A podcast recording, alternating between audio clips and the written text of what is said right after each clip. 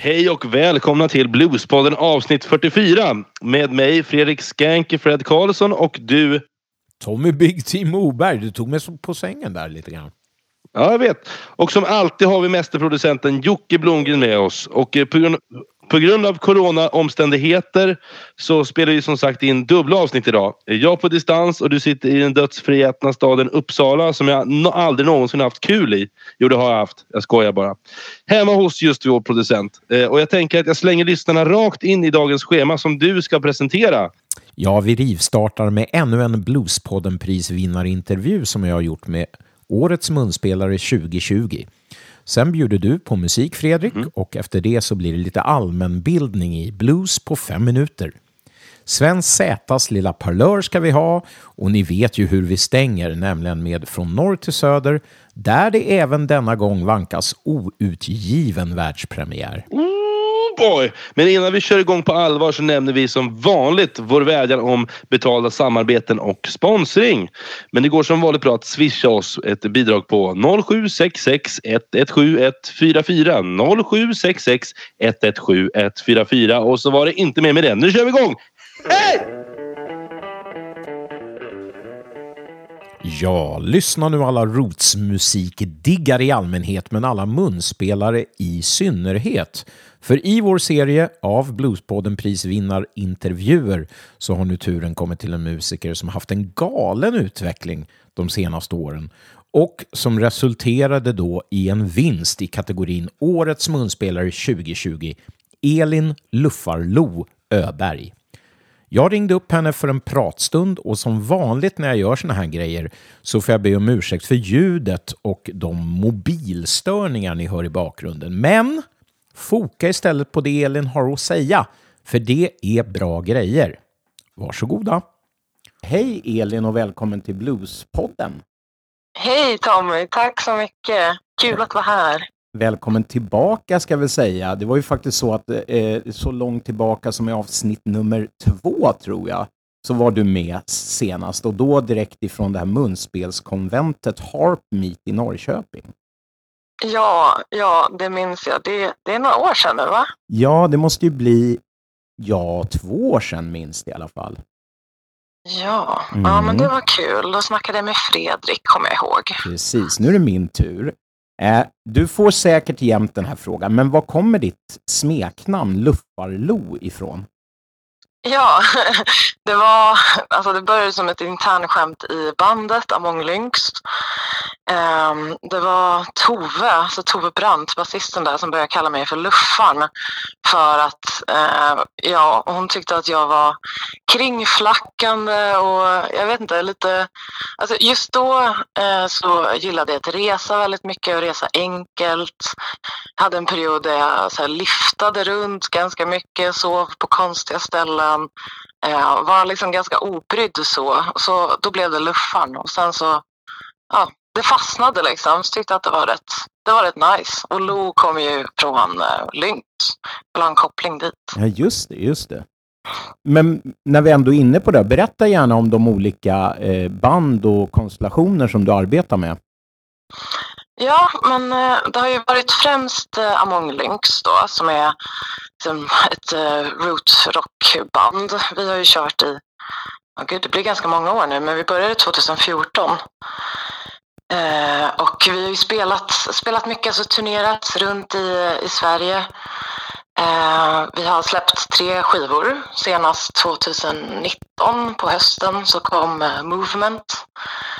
Eh, ja, så där har jag liksom fokuserat väldigt mycket.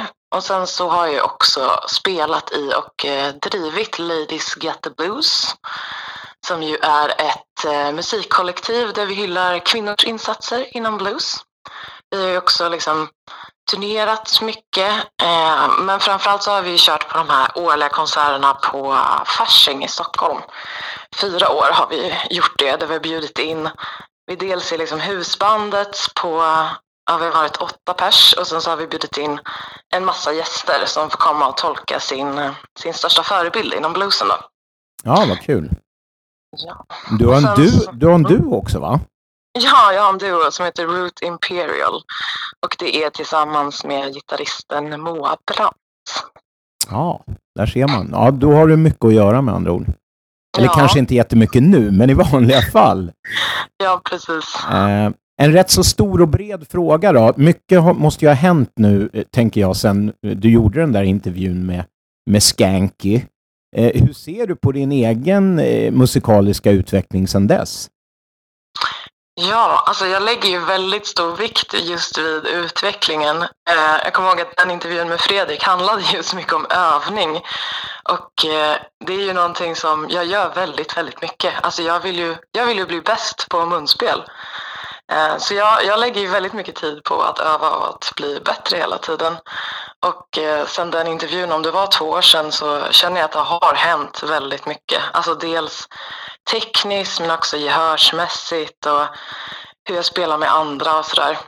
Eh, och sen så just eftersom jag satsar så mycket på, på det här, på min musik, så tycker att det, det går framåt hela tiden och det går liksom bättre i sociala medier och få spela mer, få mer liksom studiojobb nu.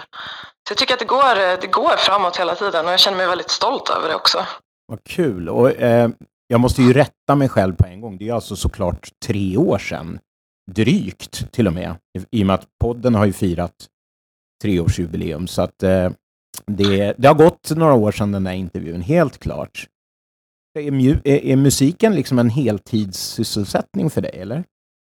Nej, tyvärr inte. Jag önskar att det vore det.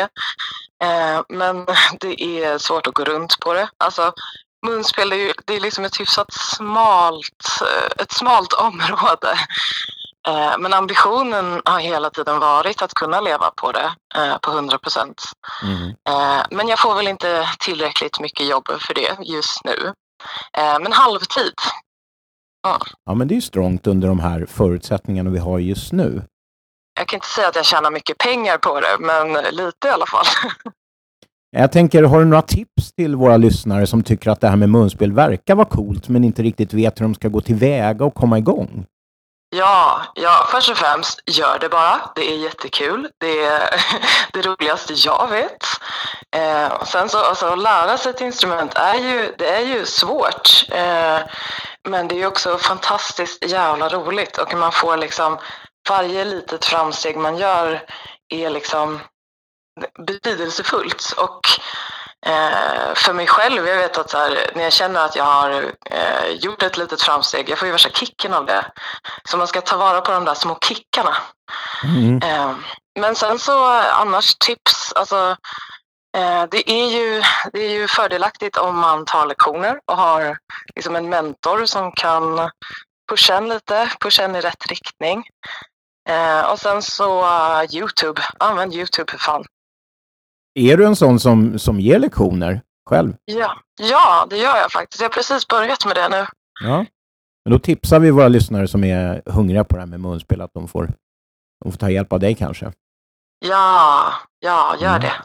Eh, du, vad föredrar du då? Old school-blåsare som Little Walter eller mer moderna ekvilibristiska munspelare? Eh, jag föredrar faktiskt moderna. Eh, Jag har lyssnat eh, en hel del på old school också. Det var väl någonstans där jag började. Men ehm, det är det mer moderna som jag, som jag fastnar för Mm. faktiskt. Vilka är dina personliga favoritmunspelare? Ja, alltså eh, det, det går lite i perioder. Eh, men alltså, såklart så blir jag super, super inspirerad av de kvinnliga munspelare som finns. Och då tänker jag på Indiara Sphere, eh, på Rachel Plus, eh, Sarah Saputri från Indonesien. Eh, och eh, ja, men de har jag lyssnat mycket på under liksom mm, flera, flera år. Eh, Men sen annars så upptäckte jag ganska nyligen eh, kanadensiska munspelaren Rolly Platt. Har jag lyssnat mycket nu på senaste veckorna och plankat. Eh, Men sen så också, alltså där jag började, min största inspiration var faktiskt Micke Fall. Jaha, där ser man. Ja. Japp. Vad kul. Har du någon kontakt med honom själv? Är det, liksom, gör ni något musikaliskt samarbete tillsammans eller? Nej, vi har inte gjort det. Eh, utan jag har bara varit en, hemlig beundrare. du ser, det här med Bluespodden, vi kanske kan vara som en liten eh, kontaktannons mellan er här nu. Nej, gud, det här blir jättepinsamt. Men härligt ändå. Vi är mycket för att vara pinsamma, jag och Fredrik. Vi har liksom bejakat den sidan av oss. I alla fall, i alla fall han. Eh, till frågorna då som vi ställer till alla våra Bluespodden-prisvinnare, för det är ju du faktiskt. Grattis igen får jag säga. Ja, tusen tack. Eh, det... Mm. Ja, och då är första frågan, hur mottog du beskedet att du hade blivit nominerad då till Årets munspelare? Alltså jag blev sjukt glad. Jätte, jätteglad. Det är som, eh, ja, man, man, man törstar ju efter liksom Ja, att, att bli uppskattad liksom. Eh, det, det gör väl alla musiker. Och sen så just att man försöker leva på det här. Så liksom all, all allt sånt bidrar ju till att här, man, orkar, man orkar fortsätta pusha. Så jag, jag blev jätteglad för nomineringen först. Ja, men vad härligt. Och sen då när du får veta att du faktiskt vunnit, hur kändes det då? då? Ja, alltså fantastiskt. Det var, eh, jag blev så himla, himla glad. Och peppad framför allt. Ja, men vad härligt. Det är precis så det ska vara. Eh, var hamnade pristavlan någonstans? Ja, den står här. Jag har ett litet altare här i mitt vardagsrum. Nej, inte ett altare, men jag har en, en hylla. Den står högst upp. Ja, och mm. ja, vad härligt. med sin fina närvaro. Mm. Ja, vi känner oss eh, ärade och, och tur, att, eh, tur att den höll på vägen. Eh, stackars Surjo som vann årets basist, han Hans tavla blev krossad av Postnord. Så så kan det gå. Aj då. Ja. Eh, då kommer nästa fråga här. Kanske lite lång, så bear with me. Men jag tror att många munspelare känner igen sig i det här. Uh, även vi som inte blåser men är, men är nära bluesen och diggar munspelsblues som jag gör. Vi vet ju att det alltid pratas om tonen. Den där allsmäktiga och viktiga tonen. Och då tänker kanske gemene man på någon, liksom, som någon gång har haft ett munspel i käften att, och du vet ambulansblåst in och ut. Att en ton, en ton kan ju vem som helst få fram. Men det är ju inte riktigt det vi pratar om, eller hur? Vad menar man med tonen och hur skulle du definiera den? Mm, bra fråga. Eh, ja, alltså jag tror att det är många, när man börjar spela munspel så missar man det här med den stora tonen. Och det hand, alltså, att få en stor ton och en individuell ton handlar ju om att försöka alltså, eh, få en så rund och, och vacker ton som möjligt eh, genom att liksom, skapa eh, ett, vad säger man, typ eh, akustiskt rum i munnen. akustiskt rum i munnen. Var inte det en ganska bra definition? Ja, otroligt. Det är så att man ser det framför sig på något sätt. Ja. eh, nej men att eh, man, man gärna liksom man anstränger sig i början eh, och då liksom eh, spänner man sig i käkarna, man spänner sig i läpparna och man slappnar av och försöker öppna upp istället så får man en mycket en djupare ton. Mm. Och sen så tycker jag också att det handlar lite om vibrato. Alltså, vad kan man, om man bara får spela en ton, hur kan man göra så att man spelar den så vackert som möjligt? Vad häftigt. Ja, men det mm. låter ju precis som, som det jag har tänkt, fast jag inte är munspelare. För att jag har ju eh, den äran och lyckan att ofta stå bredvid en munspelare på scenen som heter Steve West Weston från England. Och han, han är ju inte en stor kille till växten och sådär och kanske inte har världens jättelungor. Eh, men på något sätt väldigt stor, som du säger, djup ton och känns som att det är helt eh, effortless, alltså att han, han tar liksom inte i på något sätt. Det känns väldigt så här bara avslappnat och naturligt och det är väl det du Ja, men precis beskrev. Ja, alltså man, man ska inte behöva ta i när man spelar munspel. Jag tror att det är det misstaget som många gör i början, att det du kallade för, vad, vad var du sa, ambulans? Ja, lite ambulansblåsning. som när en bebis hittar ett munspel och bara kör igång liksom. Ja, jag vet ju exakt vad du menar och det är, som, det, det är något sånt eh, missförstånd när det kommer till, till munspel när man börjar. Att man liksom ska försöka blåsa hårt och mycket och att det ska vara en viss känsla som infinner sig. Men det är ju att man egentligen bara inte kan spela. ja, det, är så, det är så krast helt enkelt. Ja. Ja, så är, ja, men så är det. Jag förstår det. Och jag måste då få nämna två till som jag tycker har sån där ton som jag gillar. Och det är en kille som heter Kim Wilson som du säkert känner till. Och sen även, måste jag alltid i de här sammanhangen nämna eh, poddfavoriten Sven Zetterberg förstås. Som jag alltid kommer ihåg liksom när han eh, kunde dra bara en lång inandningston liksom i början på ett solo och bara hålla den kändes som för evigt på något sätt. Och Mm. bara det skapade magi, tyckte jag. Och då var det bara en liksom inandningston.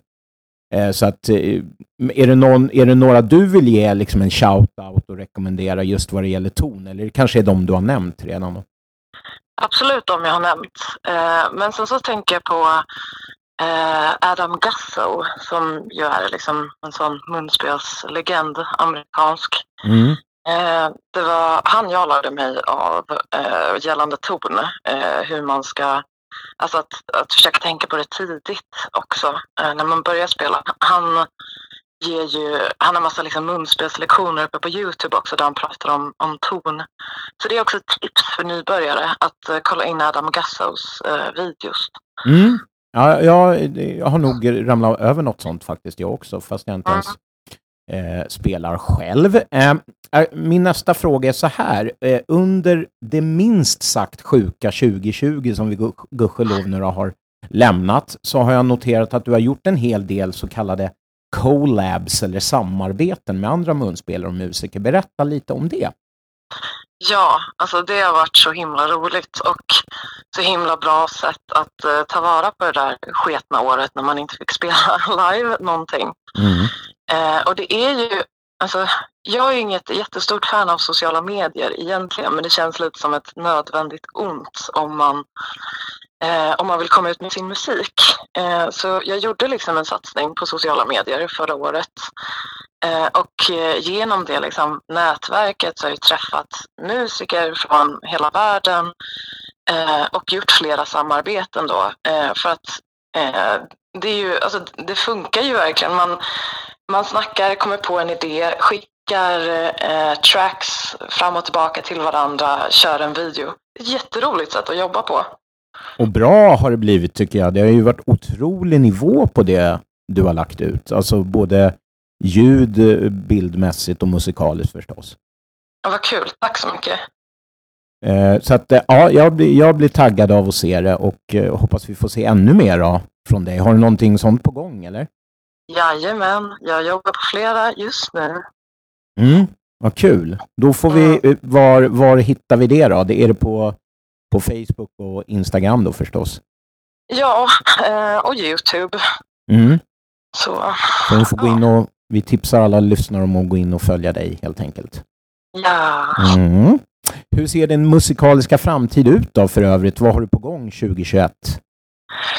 Åh, det känns så himla svårt. Alltså, man känner sig lite lost nu liksom. Eh, utan, utan spelningar och kommer saker kunna dra igång igen. Eh, så alltså, jag försöker att inte tänka så himla långt fram faktiskt. Eh, jag har alltid tänkt långt fram tidigare att så här, om några år då ska jag spela på den där scenen eller då ska jag eh, jobba heltid med det här eller ja, vad som helst. Men jag, det funkar liksom inte riktigt så nu.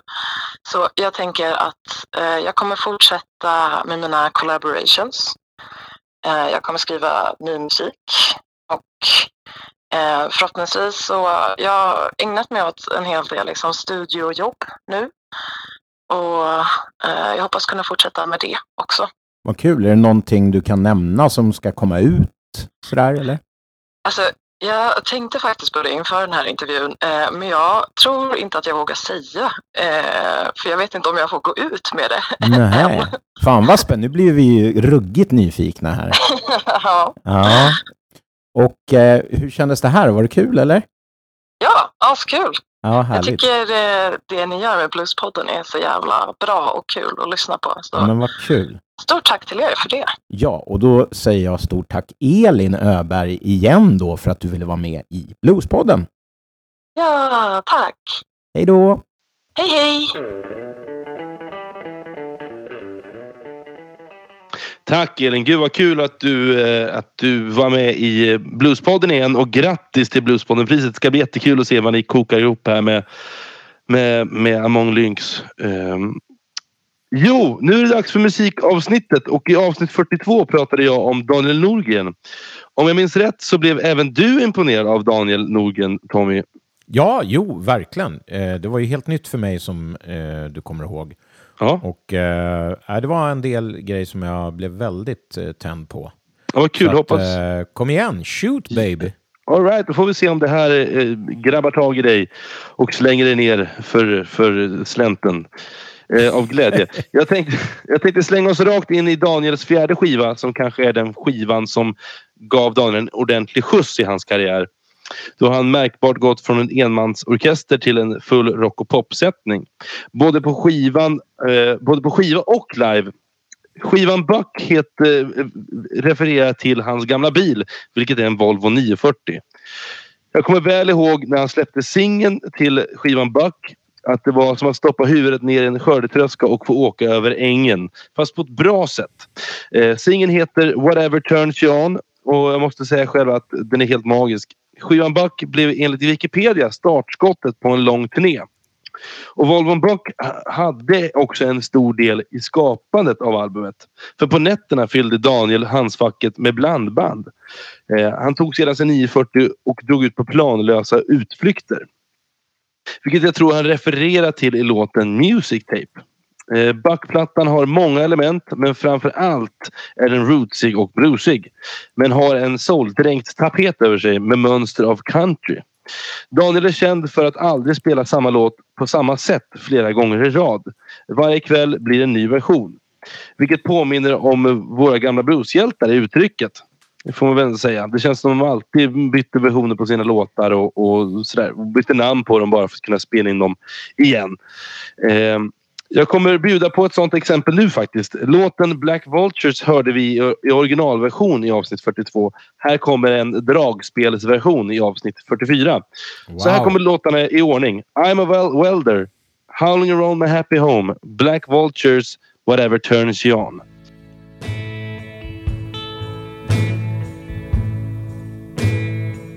It's springtime, but I haven't seen the sun.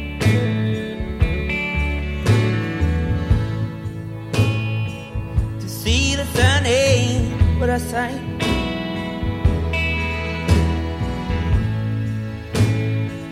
They said I could get what I ain't got back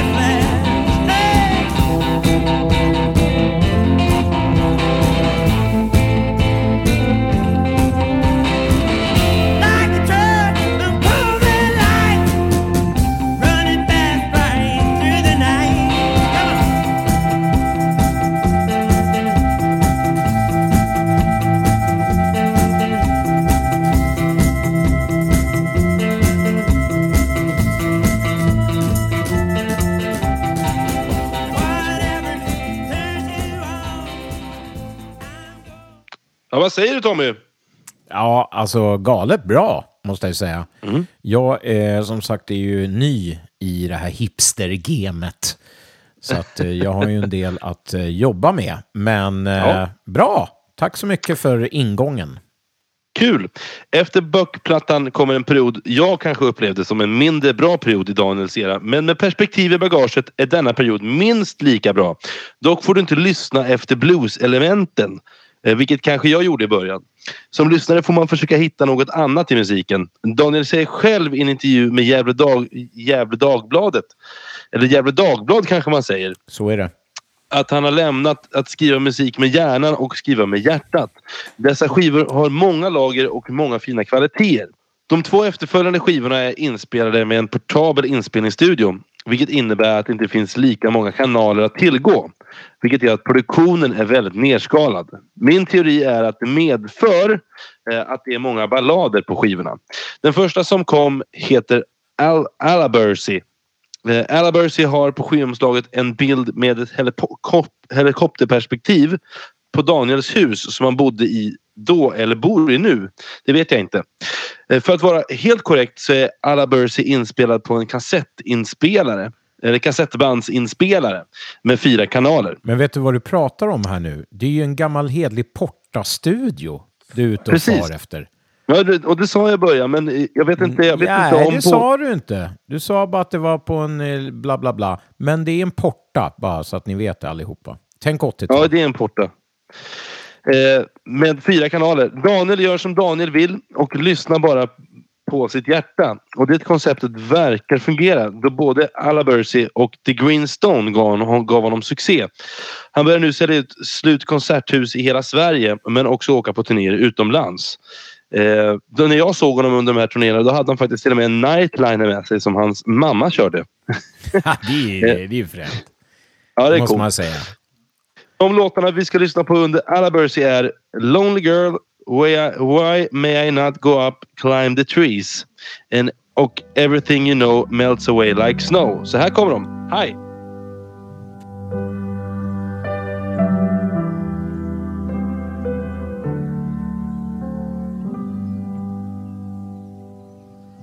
Down by the trees on the schoolyard, there's one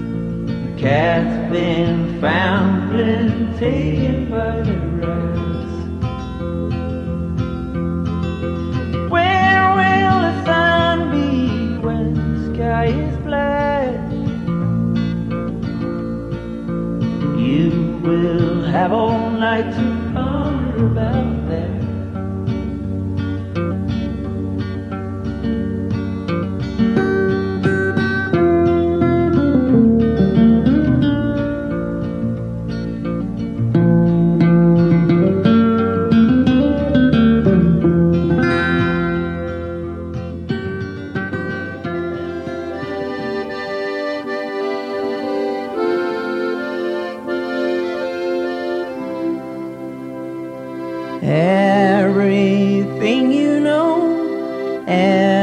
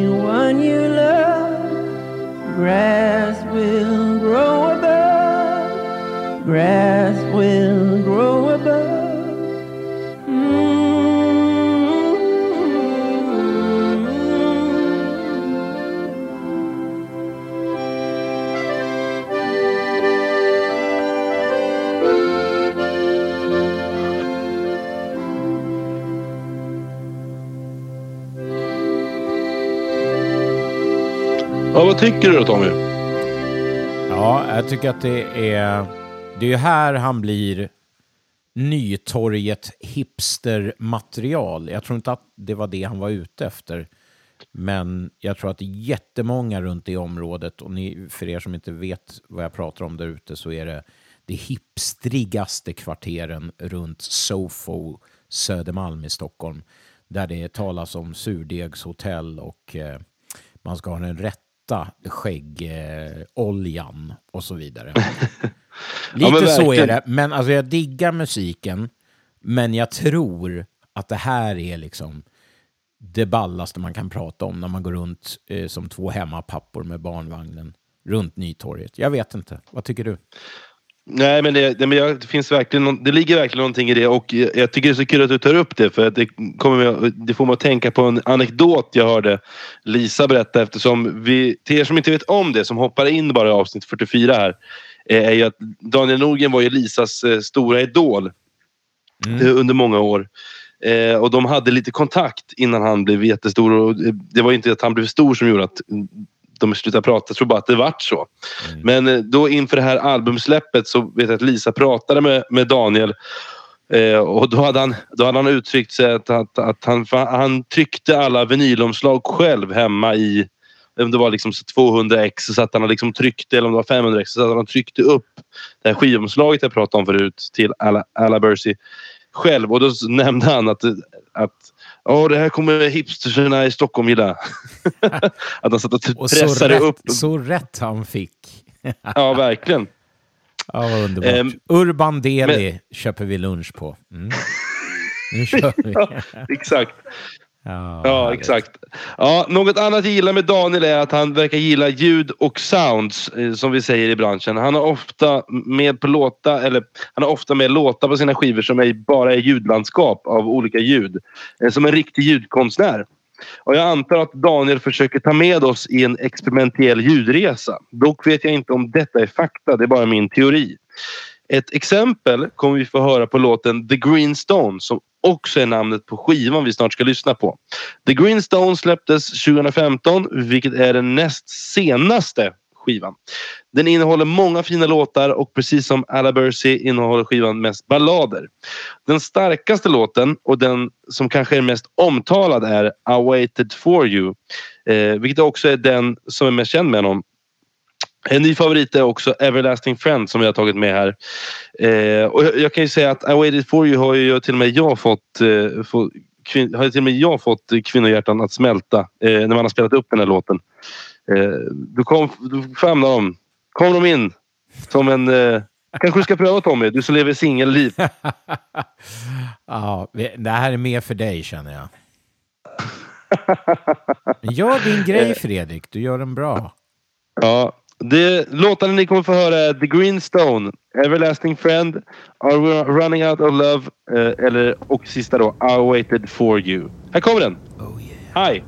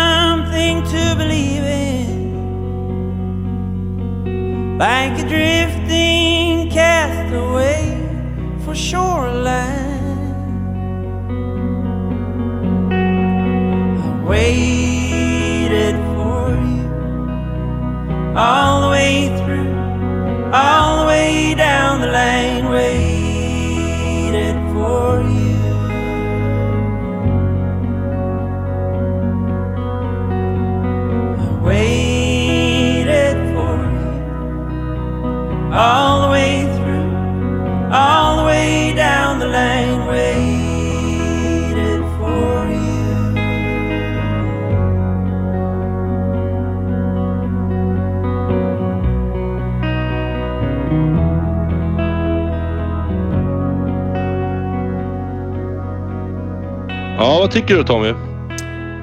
Ja, det här var ju det som var, som jag sa innan, då, mest hipstrit av allt. Och det är inte riktigt där ännu. Nej, jag, jag misstänkte det. Uh, jag du tänk... får ge mig ett par år till på Knivsöder så kanske jag kan ta till mig det. Ja, absolut. Men jag tänker att vi fortsätter för nu går han tillbaka lite här.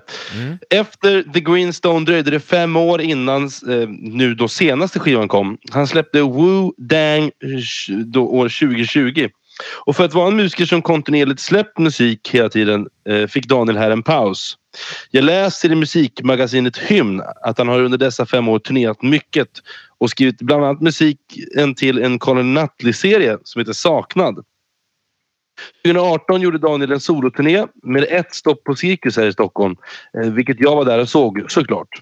Och det kan vara något av det starkaste eh, konsertupplevelserna jag har varit på och, och kommer ihåg. Att man som ensam artist fyller cirkus eh, och sedan underhåller i två timmar tycker jag är helt otroligt.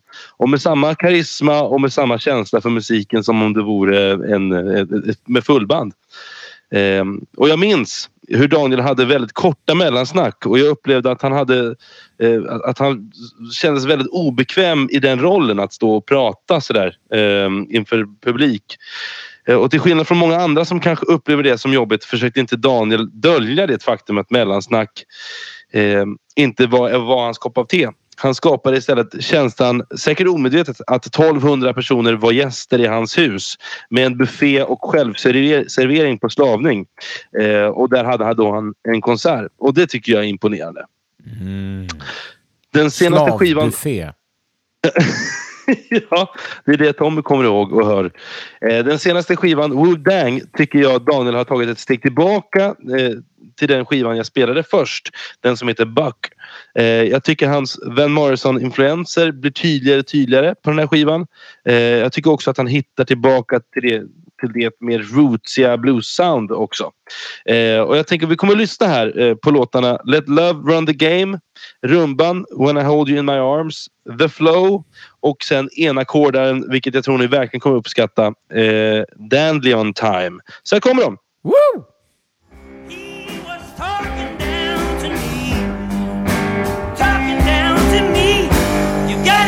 Let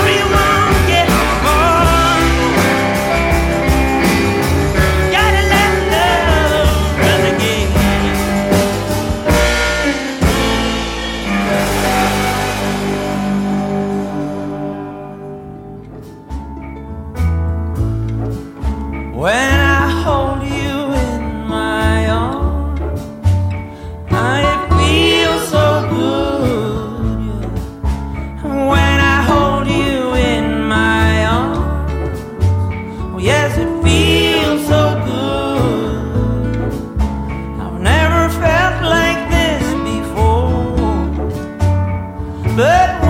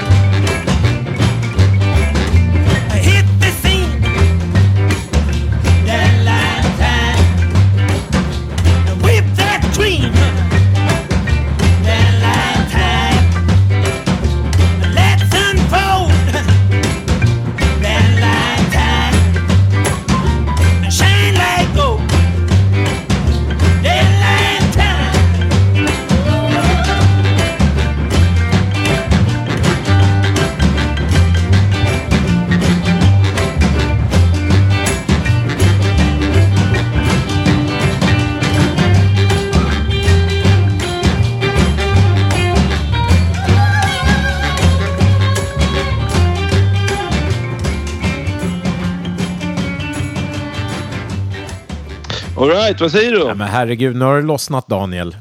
Äntligen har det lossnat Daniel. Nu har all skitnödighet runnit över och du bara kör. Fan vad Ja, bra. va? som avslutning vill jag faktiskt ta tillfället i akt eh, till er då som, eh, som kanske har foliehatten på som tycker att Daniel inte spelar eller kan spela blues. Som inte riktigt helt är övertygade om det här. Eh, så vill jag för sista gången hylla Daniel Eh, och eh, försöka överbevisa er. Eh, han är en otrolig artist, musiker, låtskrivare, ljudkonstnär som verkligen har gjort det alla drömmer om kompromisslöst skrivit och framfört sin egen musik. Och skit, helt enkelt skita i vad alla andra tycker. Och han har så många lager av musikalitet och varje platta blir ju unik. Den röda tråden är ju, i Daniels musik är ju Daniel. Eh, och Daniel har stenkoll på den djupaste blues men också den vitaste countryn. Men också den smörigaste solen. Som avslutning vill jag eh, visa kanske ett av de mest svängiga New Orleans-rumbor och jag har hört på Youtube. Och det är en live session någonstans i världen. Jag tror det är någonstans i Europa. Eh, Med en låt som inte jag har hört eh, Daniel spela förut och jag har försökt hitta den här men det verkar som att det är, en originallåt som han har bara spelat in till just den här Youtube-sessionen som heter Desperate Hours. Och om, om- om jag har fel så får man gärna skriva till Bluespodden. Eh, blir jag jätteglad för att upplysa mig. Eh, Men för att kunna spela, vet ju både du och jag Tom och säkert Jocke också. För att kunna spela New Orleans musik behöver man vara inlyssnad på musiken.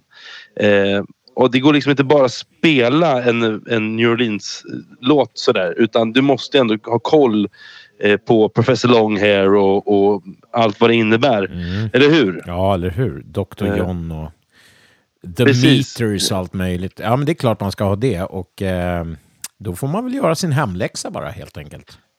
Det kan jag säga. Inför sista klippet här eh, som, jag kommer, som, som ni kommer höra.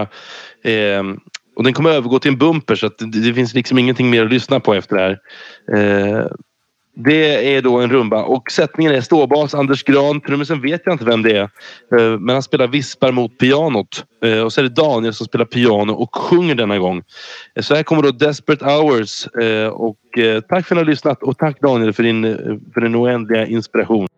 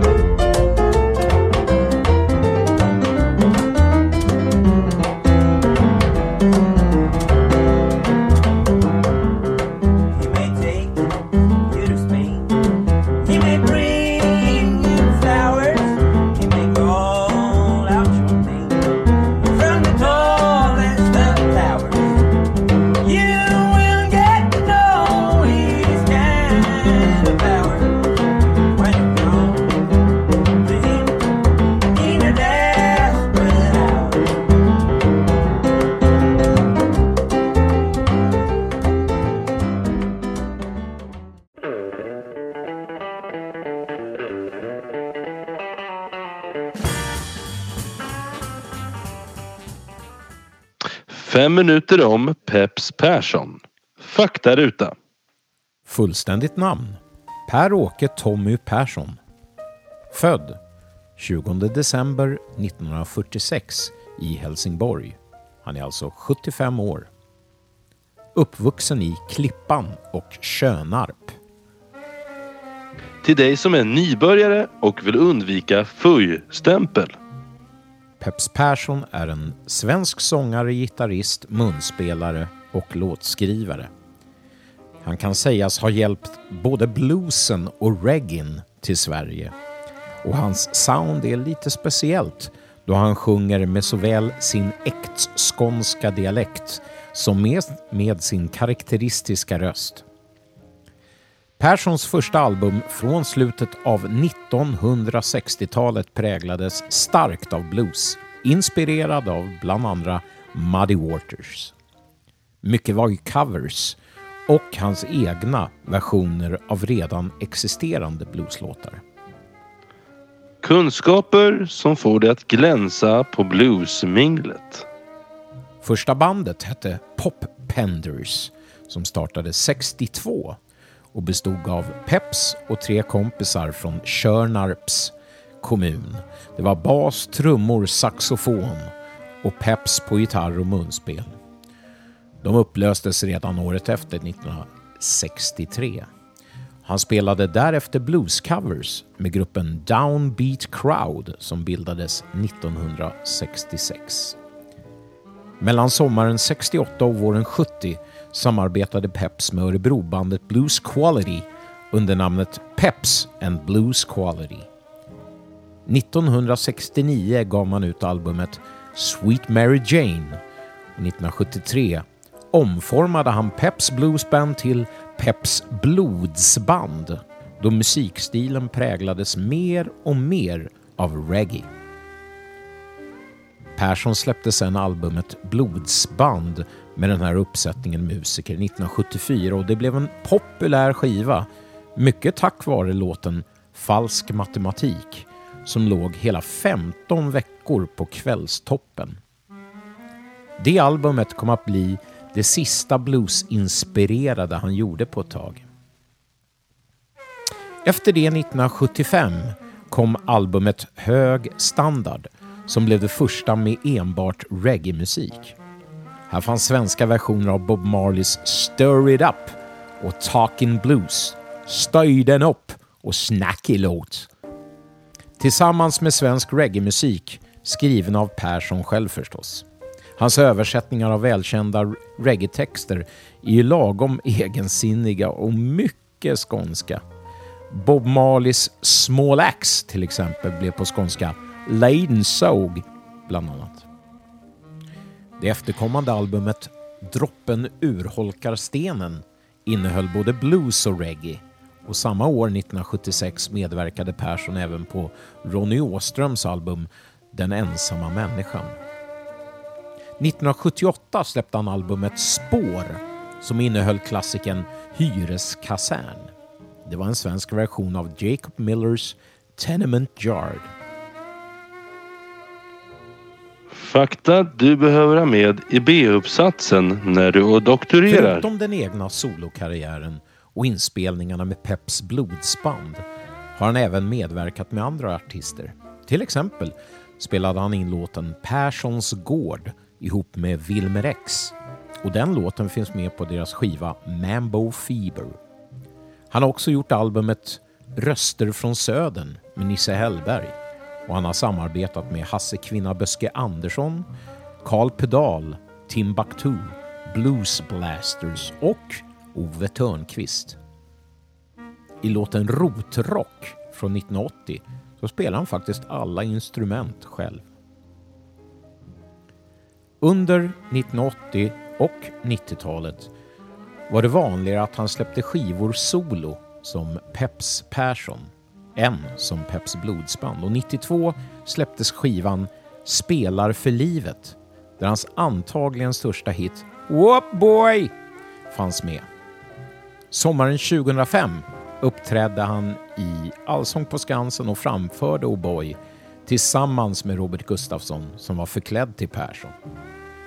Han släppte samma år sitt första studioalbum sedan 90-talet som hette Äntligen. Hans diskografi består av hela 32 plattor allt som allt. Och då är det album, singlar och samlingsplattor. Och jag kommer rada upp några av eh, Peps priser och utmärkelser här. Jag har tagit bort över hälften men eh, 1983 fick han Svenska grammofonpriset. 92 så eh, förärades han med juryns specialpris på Grammyskalan. 2005 blev han årets skåning såklart. 2007, finaste som jag vet, Cornelis Vreeswijk-stipendiet och samma år Grammyskalans hederspris. 2015 blev han invald i Swedish Music Hall of Fame. 2017 Sydsvenskans kulturpris och 2020 hörni, Fjällispriset. Och det vet alla ni Göteborgs bluesvurmare vad det handlar om. Vi avrundar fem minuter om med ett smakprov från den legendariska plattan The Week Peps Came to Chicago från 1972 då Peps som sagt spelade in med galet många legender. I denna låt på munspel och sång förstås, kompad av det oerhört starsa Chicago-bandet The Aces som bestod av bröderna Louis och David Myers på gitarr och bas samt Fred Below på trummor. Här är The Way You Touch Me.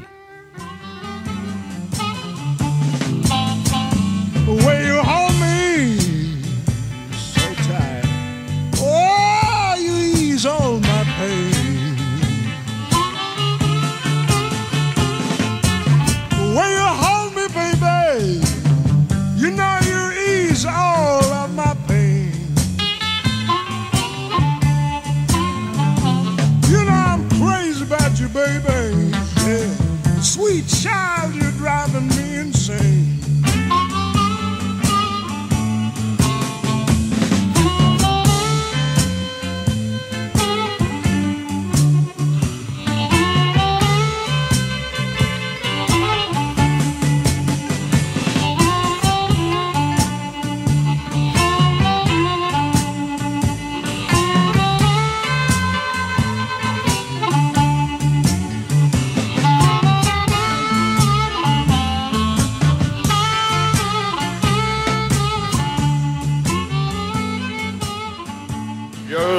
for me will always be.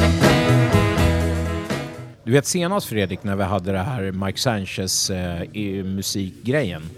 Mm, just det. Eh, och, och jag lyssnar ju in mig på det här, jag lyssnar och jag kollade framförallt på videoklipp och så bara får jag så Okej. feeling Albert Lee som är, Ja. ja men du vet, det är ju legendgitarrist verkligen. Ja, Men så får jag, just det. så Precis. får jag så här, vad fan är det med håret och hela den, alltså jag får så här, jag vet inte om jag är taskig men engelska tanten. Tänker du liksom... Men fattar du vad jag menar när jag säger det? Alltså, Tänk, ja, men, Typ Brian Ja, May? Brian May, ja precis. Typ så här, Margaret Thatcher möter drottningen. I en, I en liten dålig gränd och tycke uppstår, jag vet inte. Alltså vad Ja. fan är det med män i liksom uppåt... Nu tar vi ju 60, 70, 70 plus till och med. Jag ska ha kvar mitt långa hår som är Verkligen. kritvitt. Det är, jag Gud vad inte. spännande. Och det är Ja. ganska, det är, så här, det är, så här, det är så krulligt permanentat hår också.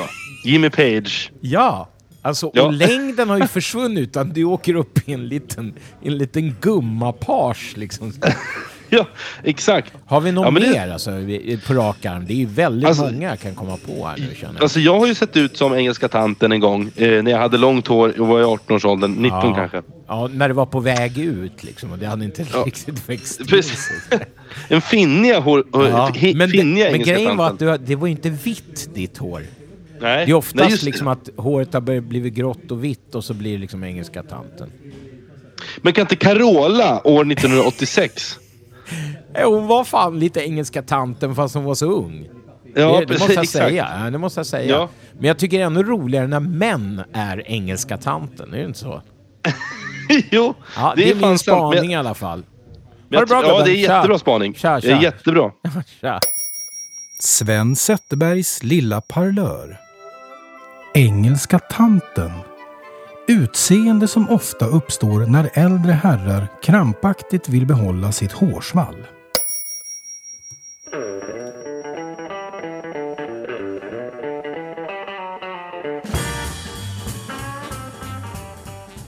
Jajebuck, vi har ju för vana att skämma bort er, våra lyssnare, med outgivna världspremiärer ifrån norr till söder. Och nu är det dags igen. Nu ska ni nämligen få höra en purfärsk låt från sto- storbandet Kjell Gustafsson Rhythm and Blues Orchestras platta som kommer senare i vår eller i sommar med Bluespodden-prisvinnarna i kategorierna Årets basist och trummis Sorjo Benish och Kjell Gustafsson. Här börjar nu bakgrunden That's Why rulla.